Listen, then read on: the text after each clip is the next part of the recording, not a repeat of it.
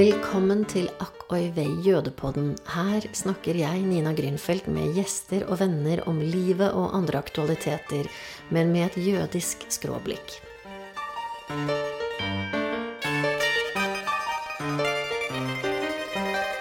Nylig utpekte president Macron i Frankrike madame Elisabeth Borne til ny statsminister. Da mediene rettet fokus mot henne og fortalte at hun bl.a. er jødisk, tenkte jeg oi vei, dette er noe for jødepodden. Så da slo jeg på tråden til journalist Vibeke Knop Raslin i Paris. I denne episoden får dere høre hva hun har å fortelle om jøder i fransk politikk.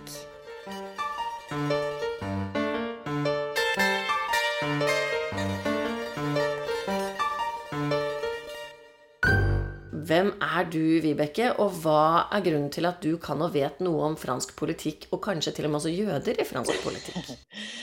Jeg er eh, norsk journalist og forfatter, basert i Paris, der jeg har bodd i veldig mange år. Og min mann var fransk jøde, så derfor kom jeg i ganske tett kontakt med det jødiske miljøet i Frankrike. Nå har altså Frankrike fått en ny statsminister. To ord. Hvem er denne nye statsministeren? Hun heter Elisabeth Borne og er eh, først og fremst en tekniker, mer kanskje enn politiker. Hun er ingeniør.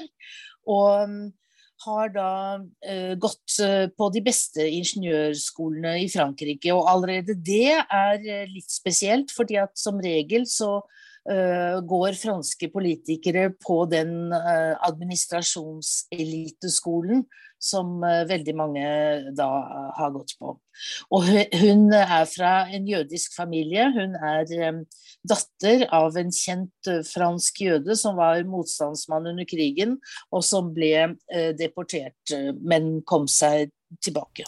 Men jeg tenkte bare uh, før vi går litt tilbake i tid Jeg syns det var interessant når jeg leste om henne i New York Times, så har jeg skjønt at uh, hun har ikke sin fars navn. Eller det vil si hun har en forkortelse. For han ja. het vel Bornstein? Det stemmer. Hun uh, heter Barn. Og eh, ikke alle visste at hun hadde egentlig et annet navn, og at hun var eh, jøde, eller ja, jødisk opprinnelse. Så, eh, men det er ganske vanlig at en god del franske jøder forfransker navnet sitt. Jeg har venner som har gjort det.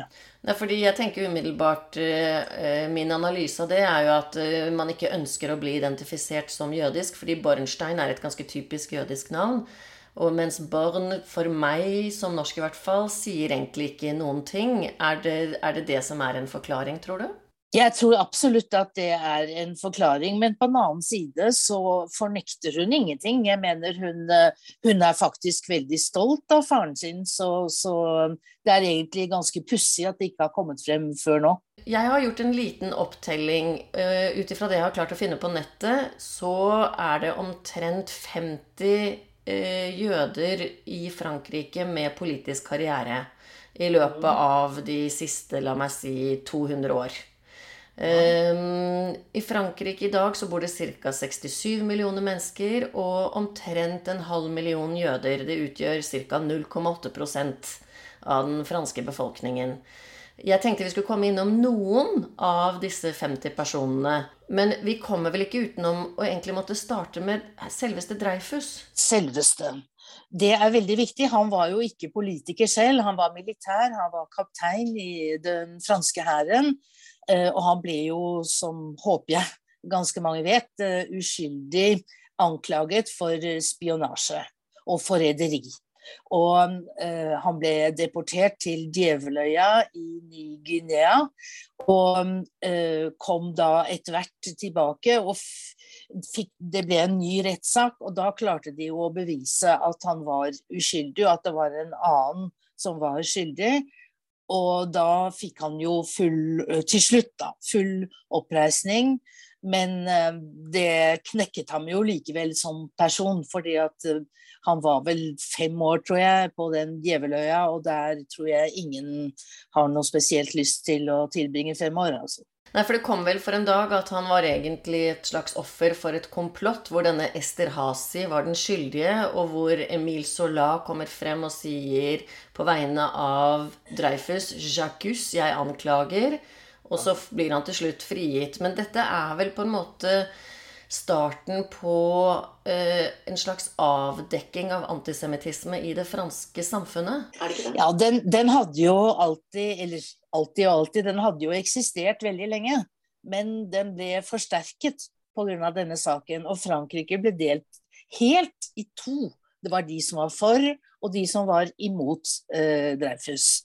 Og blant de som var for, så må vi ikke glemme våre egne Bjørnstein Bjørnson og Edvard Grieg, de var faktisk iherdige forsvarere av Dreyfus. Og Bjørnson ble sågar venn med Dreyfus og frue, og, og, og, de møttes eh, etter at han var frigitt. Nettopp. Men når det gjaldt Frankrike, så ble dette sittende veldig lenge. Jeg vil nesten påstå at det fremdeles gjør det, og at antisemittismen i Frankrike er veldig sterk. Interessant. Det som slår meg ellers når jeg ser på denne listen over politikere som eh, du og jeg har valgt ut, det er jo at veldig mange er sosialister. Og jeg tenker vi kan bevege oss over til Leon Blom. Ja. Han er det sikkert ikke så veldig mange i Norge som vet om. Ehm, men han var den første på en måte som eh, åpenlyst eh, sto frem. Han hadde jo ikke noe å skjule som jøde, og som ble en kjent politiker. Han ble faktisk statsminister tre ganger. Og han var en viktig statsminister. Han var sosialist, han var marxist. Han dannet den såkalte Folkefronten. Eh, og eh, lagde korte, men viktige lover. Det var f.eks. han som innførte 40 timers arbeidsuke og fellesferie for alle. Og, og, det var i 1936, og det ble han veldig, veldig berømt for. Også han ble deportert i 1943, men ble reddet i siste liten av de allierte. Det slår meg også når jeg leser om en del av disse politikerne, at, eh, og det er kanskje mer et tegn på fransk politikk enn deres jødiske bakgrunn, men de sitter så kort tid av gangen. Ja. De er i posisjon liksom et år maks. Det, Nina, det kommer av uh, hvordan det franske politiske systemet var. Fordi at det var jo først etter at de Gaulle eh, innførte den femte republikken at det ble en orden på det. For før det så eh, satt alle regjeringer veldig kort, og det skulle omtrent ingenting til for å velte dem. Det kom altså av det parlamentariske systemet. Nettopp. Men det må jo ha ført til ganske mye politisk kaos? Det gjorde det, absolutt. Og uro. Og du, så tenker jeg vi beveger oss videre til denne Pierre Mendes France. Pierre Mendes France var også statsminister. Det var mellom 1954 og 1955, og han var det flere ganger, han også. Og hans hovedmeritt er at han oppnådde fred i Indokina. Og det var det jo veldig, veldig mange franske høyreorienterte personer som var imot. Så han uh, slet nok uh, kanskje enda mer med de motstanderne enn med antisemittene. Før han ble statsminister, så ble han arrestert av regimet, men klarte å rømme. Og jeg har på en måte et litt personlig eh, vitnesbyrd å komme med der. Fordi jeg eh, traff ham eh, mange, mange år senere. Da var han jo selvfølgelig ikke noen minister lenger. Men han var veldig opptatt av å prøve å bidra til fred mellom israelere og palestinere, og var blant de aller første som hadde kontakt med palestinske politikere. Og eh, jeg eh, kjente også veldig godt eh, hans kone, som prøvde å videreføre dette arbeidet ved å danne en egen stiftelse for det. Han var et veldig, veldig flott menneske. Veldig fin type. Apropos kone, da tenker jeg at vi kan bevege oss over til en kvinne som har i hvert fall gjort veldig inntrykk på meg. Jeg leste en, jeg vet ikke om det var selvbiografi eller en biografi, det husker jeg faktisk ikke lenger, men Simone Weil. Hun ble jo et veldig viktig symbol uh, fordi hun var uh, Hun ble arrestert da hun var 16 år gammel under krigen, og deportert hun også. Og kom tilbake og klarte da å fortsette eller danne sin politiske karriere, og ble også hun statsråd flere ganger. Og som kvinne er det hun, eh, for meg i hvert fall, eh, og for mange andre, er viktigst som, det er at hun både innførte en lov om prevensjon og, øh, og, selvfølgelig den mest berømte abortloven i Frankrike.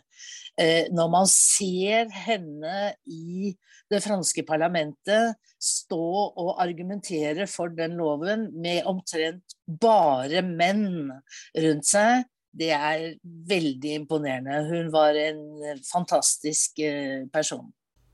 Ja, altså jeg har et sånt forhold til henne som om hun nesten skulle vært litt rojal. Hun har en sånn utrolig verdighet, og hun står i denne franske politikken i tiår. Og er jo også med i EU-parlamentet. Hun ble president i EU-parlamentet. Nettopp. Og på sine eldre dager så var hun jo også aktiv i nettopp dette eh, minnesarbeidet etter Auschwitz og holocaust. og fremstår i hvert fall for meg som en, en veldig sånn tydelig samfunnsstøtte i det franske samfunnet. Det var hun eh, absolutt. Hun um, sa selv at det å være jøde ikke hadde vært noe problem for henne. At hun aldri hadde kjent eller følt uh, det. Uh, det kan det hende var sant så lenge hun levde, men dessverre så er kan du si bilder av henne, og nå er hun jo også i Pantheon, de er dessverre ofte tagget med antisemittiske tegn. Det er leit å høre. Veldig. Og du har truffet henne òg, har du ikke det? Jo, og jeg har intervjuet henne da hun var eh, president, nettopp blitt president i EU-parlamentet. Og det var ganske morsomt, fordi hun ville absolutt ikke at vi skulle møtes og at hun skulle bli tatt bilder uten at hun fikk gått til frisøren først. Men samtidig tenker jeg at hun har denne her litt sånn uh, storheten, litt sånn type Golda Meir-aktig ja. uh, integritet og en ja. naturlig autoritet. Uh, mm. Nå er jo franskmenn generelt et litt forfengelig folk. Så jeg tenker at hennes forfengelighet kanskje er vel så mye et resultat av, av dette med å skulle stå i en offentlighet og ha en fasade, da. Hun var desidert verdig, det er det ingen tvil om. Mm. Men du, så har vi en Laurent Fabius. Ja. Fortell litt om han. Han uh, var en ung uh, Opprinnelig faktisk marxist, og så ble han sosialist. og han ble også statsminister og fra 1984 til 86 under Mitterrand og er fremdeles nå president i uh, Grunnlovsrådet. Han ble faktisk oppdratt som katolikk fordi faren hadde konvertert til katolisismen. Men jeg tror nok han selv på en måte følte at det ble feil, og at han følte seg eh, mer eh, jøde enn katolikk. Det var jo mens han var statsminister, da var det en skandale som ble rullet opp i Frankrike når det gjaldt blod, giverblod som man skulle gi til eh, syke pasienter. Det viste seg at det var eh, infisert av aids. Og det ble en stor skandale. Og siden han var statsminister på den tiden, så ble han eh, stilt for eh, en sånn spesiell eh, høy domstol sammen med helseministeren. Og de måtte da stå ansvarlige for at de eventuelt hadde utsatt den franske befolkningen for en smittefare. Eh, som ansvarlig så ble da disse to statsrådene, han og helseministeren, stilt for denne domstolen. Og eh, de ble frikjent begge to, men det ble en veldig stor skandale som heftet ved ham lenge siden. Og sannsynligvis uh, umuliggjorde noe særlig videre politisk karriere. Her i Frankrike så har jo alle politikere ambisjon om å bli president en dag. Og det kunne han da definitivt ikke bli pga. det. Og det er litt interessant dette her du sier at eh, alle drømmer om å bli president. I mange land så er jo presidentrollen mer den festivitas-rollen, mens statsministeren er den reelle politiske rollen. I Frankrike så er det presidenten. Der er det omvendt. Der er det presidenten som har all makt. Og hvis man eh, interesserer seg for det, så kan man sette seg ned og lese den franske grunnloven og finne ut at eh, den franske presidenten, på papir i hvert fall, han har enorm makt. Han har faktisk mer makt stadig vekk på papiret enn USAs president. Og det sier ikke lite. Når du sier en han, og det er fordi det enn så lenge fremdeles aldri har vært en kvinne i den rollen? Det stemmer. På tide å få gjort noe med det. Men du, eh, nå har vi altså snakket om eh, mange sosialistiske jødiske ledere, og vi skal snakke om én til, men som dessverre representerer et stort, stort fall, og som vel etter hvert eh, kanskje blir assosiert mer med skandale og dessverre kanskje bidrar i noen sammenhenger til antisemittisme, nemlig DSK. Ja. Dominique Strauss-Kahn. Han tror jeg de fleste husker. Han var jo først eh, Han var briljant. Eh, han var først eh, finansminister i Frankrike, og så lå han egentlig veldig godt an til å bli president, som han også ønsket på den tiden. Og så ble han i mellomtiden leder for Det internasjonale pengefondet. Og så eh, skjedde det en enorm skandale, som sannsynligvis de fleste erindrer.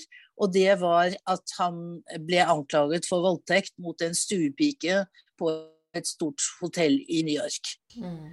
Og eh, han ble jo arrestert, og mange husker sikkert akkurat den eh, scenen som var Jeg sier scene med vilje, for den tror jeg var veldig eh, eh, hva skal jeg si, gjennomtenkt fra amerikansk politis og myndigheters side.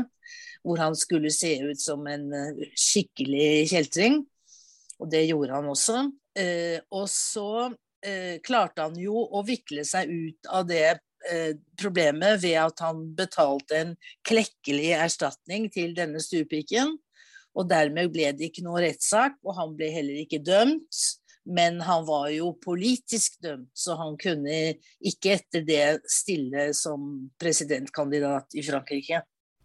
Nei, og dette her er jo på mange måter, tenker jeg, nesten en, en start før Weinstein-saken om metoo også. Fordi det kom jo for en dag at dette var jo ikke et engangstilfelle. Han har nok vært en, en alfahann som uh, har tatt uh, godt for seg i ulike sammenhenger. På et eller annet tidspunkt så skjøt han jo gullstjernen og giftet seg med den intelligente, kloke, vakre Anne Sinclair, som vel kanskje ja. også bidro til å få utbetalt han fra fengselet i USA?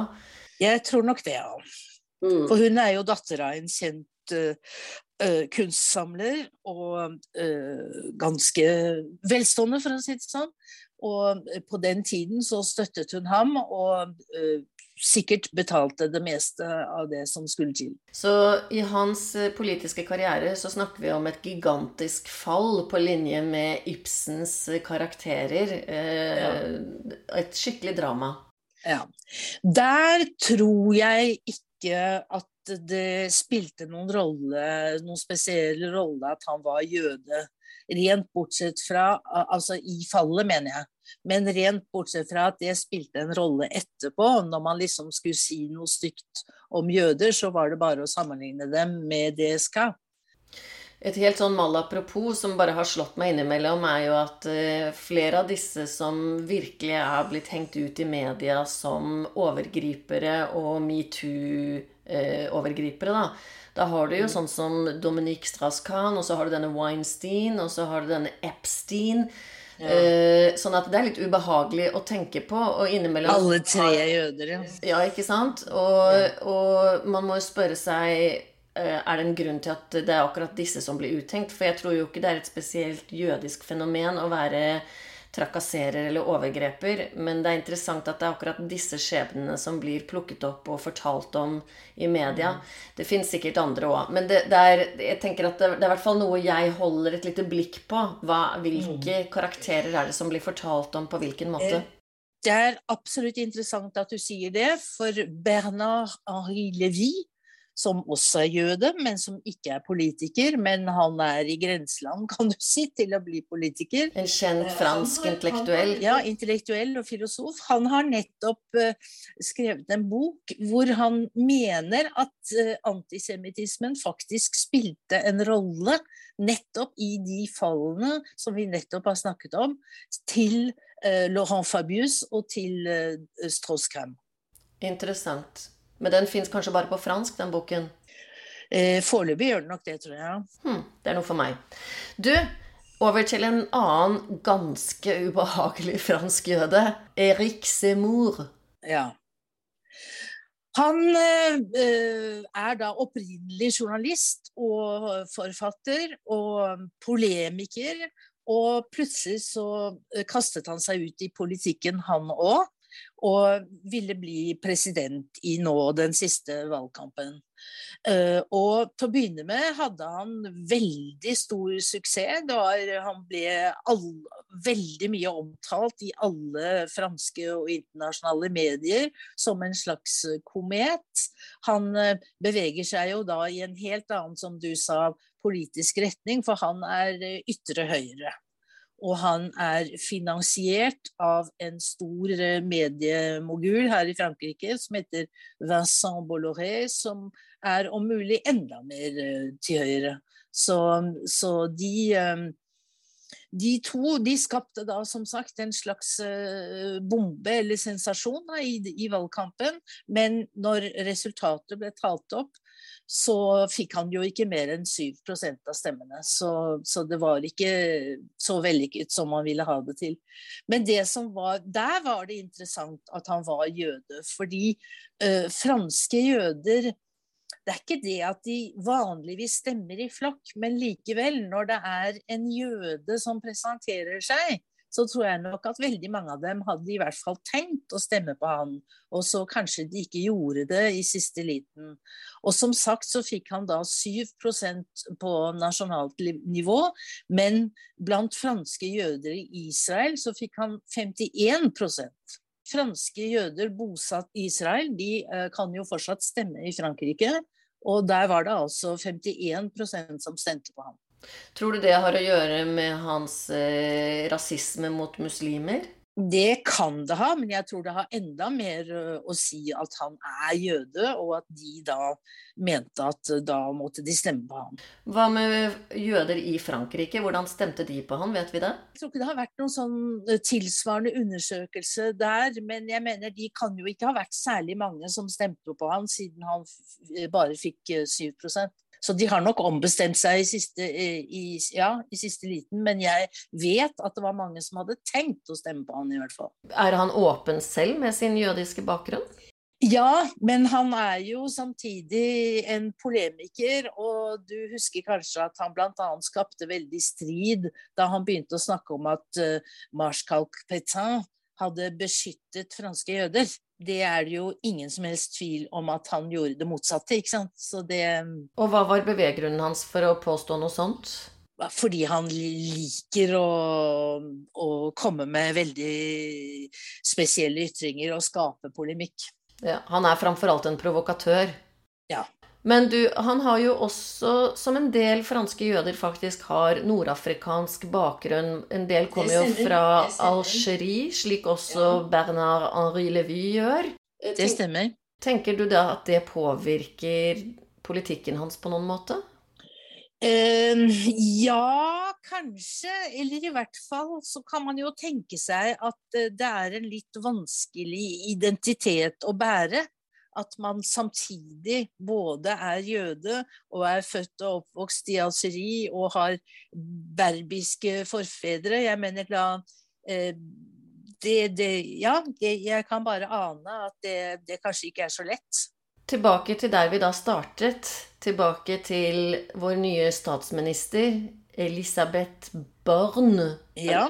Hun er vel en vi enn så lenge kan være ganske stolte av? Særlig fordi hun eh, ble statsminister, og ble da den andre kvinnelige statsministeren i Frankrike på 30 år. Det er jo direkte pinlig, spør du meg, men det er jo bra at hun endelig ble det, da. Hvordan fungerer det? Er hun da stemt frem, eller er det Macron som utpeker? Det er Macron som velger. Og hva er relasjonen mellom Macron og henne? Hvorfor velger han henne? Hun, hun var jo statsråd eh, i hans forrige presidentperiode. Flere, flere, på flere poster, og jeg tror han verdsetter henne fordi hun er veldig dyktig. Og, og, og så hadde han jo um, uh, hva skal jeg si, satt Eh, forskjellige eh, kriterier for akkurat eh, hvordan den nye statsministeren skulle være. Og det skulle være en kvinne, først og fremst. Det skulle være en fra venstre, opprinnelig i hvert fall, fra venstresiden. Og det skulle være en som var opptatt av miljøvern. Og alle de tre punktene svarer hun til, så, så det var jo på en måte ja, ganske naturlig at han valgte henne. Jeg syns det var rørende å lese om henne i New York Times, hvor det sto at uh, hun hadde jo da denne faren som hun er stolt av, som var også politiker, motstandsmann, ble deportert, men overlevde uh, krigen. Kom tilbake, men tok livet av seg senere, da hun var elleve år gammel. Og da ja. står det i avisen at eh, hun, familien sto på bar bakke, hun, moren og søsteren, hvorpå den franske stat har en eller annen type ordning der barn av mennesker som har vært utsatt for en tragedie eller lever under veldig spesielle forhold, kan få et type statsstipend. Det stemmer. Det gjorde da at hun fikk seg en god utdannelse, så har hun nok vært en flink pike, og har nå havnet der hun er. Men det er jo en ganske rørende fortelling i seg selv, da. Visst er det det. Og så er det, eh, syns jeg, når det kommer til hennes jødiske aspekt, da, så eh, er det pussig, for det, eh, så vidt jeg vet, har hun aldri gjort noe nummer av men det kom frem først nå, da hun ble statsminister, og sikkert uh, franske medier begynte å grave i hennes fortid. Og så det med, dukket det med faren opp. Men det har ikke vært nevnt overhodet tidligere. For å oppsummere da, Vibeke. Ja. Hva betyr franske jøder for fransk politikk? De betyr ganske mye, vil jeg si. Jeg mener, vi har jo opptil flere statsministre her, så det, de har jo hatt en stor rolle. Og det å være statsminister før de Gaulles eh, republikk hadde nok større betydning den gangen, fordi da var, jo, da var jo presidenten ganske svak, og det var mer statsministeren som, som førte politikken. Da. Hvor står jødene i Frankrike i dag, da? Ja, de står De er ganske splittet. Det er eh, ganske mange av dem, og som du så da, spesielt de som har bosatt, eh, flyttet til Israel og som har bosatt seg der, som er ganske konservative. Men du har også ganske mange på venstresiden, så de eh, Men, men de, de føler seg ikke trygge, fordi Eh, det er veldig, dessverre veldig mange antisemittiske utslag her fremdeles. Og f.eks. unge franske jødegutter, da. Eh, de, bruk, de, tør ikke bruke kippaen på frem og tilbake til skolen. For de er eh, redde for at de da blir utsatt for vold. Altså jeg mener å ha lest at det faktisk i enkelte steder i Frankrike er i ferd med å utvikle seg en slags sånn gettovirksomhet, eh, der jøder velger å flytte til områder der de bor alene sammen med andre jøder, nettopp for å føle seg tryggere. Ja, det har du lest i en artikkel jeg har skrevet i Agenda Magasin. Eh, for noen år siden. Og det, det, det, er altså Du vet jo, og kanskje lytterne også, at når man eh, flytter fra et land og til Israel, så begår man en alia. Men nå sier man da at, i Frankrike at man begår en intern alia. Fordi man ikke flytter til Israel, men man, flytter seg internt i Frankrike fordi noen av de stedene de har bodd, er begynt å bli direkte farlige. Hva gjør politikerne med dette, da? Nei, De prøver jo å bekjempe det. Og samtidig så må jeg jo legge til at vi ikke må glemme at Frankrike har den største jødiske befolkningen i Vest-Europa, men også den største muslimske befolkningen. Så eh, det er jo selvfølgelig en del spenning mellom, mellom de to. Og jeg liker jo alltid å avslutte oppover, så jeg tenker at ja, det fins sikkert mye antagonisme og rasisme mellom disse gruppene seg imellom, men det fins også sterke bevegelser som jobber for det motsatte. Det gjør det. Og så må vi håpe og tro at med en Elisabeth Børn ved roret, så kanskje går dette i en eh, lysere retning. Det eneste er at hun sitter litt utrygt, fordi at nå i juni så skal det være valg på nasjonalforsamlingen. Og hun er kandidat i Calvados. Og um, hvis hun taper det valget, så kan hun ikke bli sittende som statsminister. Ei, ei, ei, ei, ei. Så um, foreløpig så, så er, det ikke, er det ikke 100% sikkert at hun fortsetter.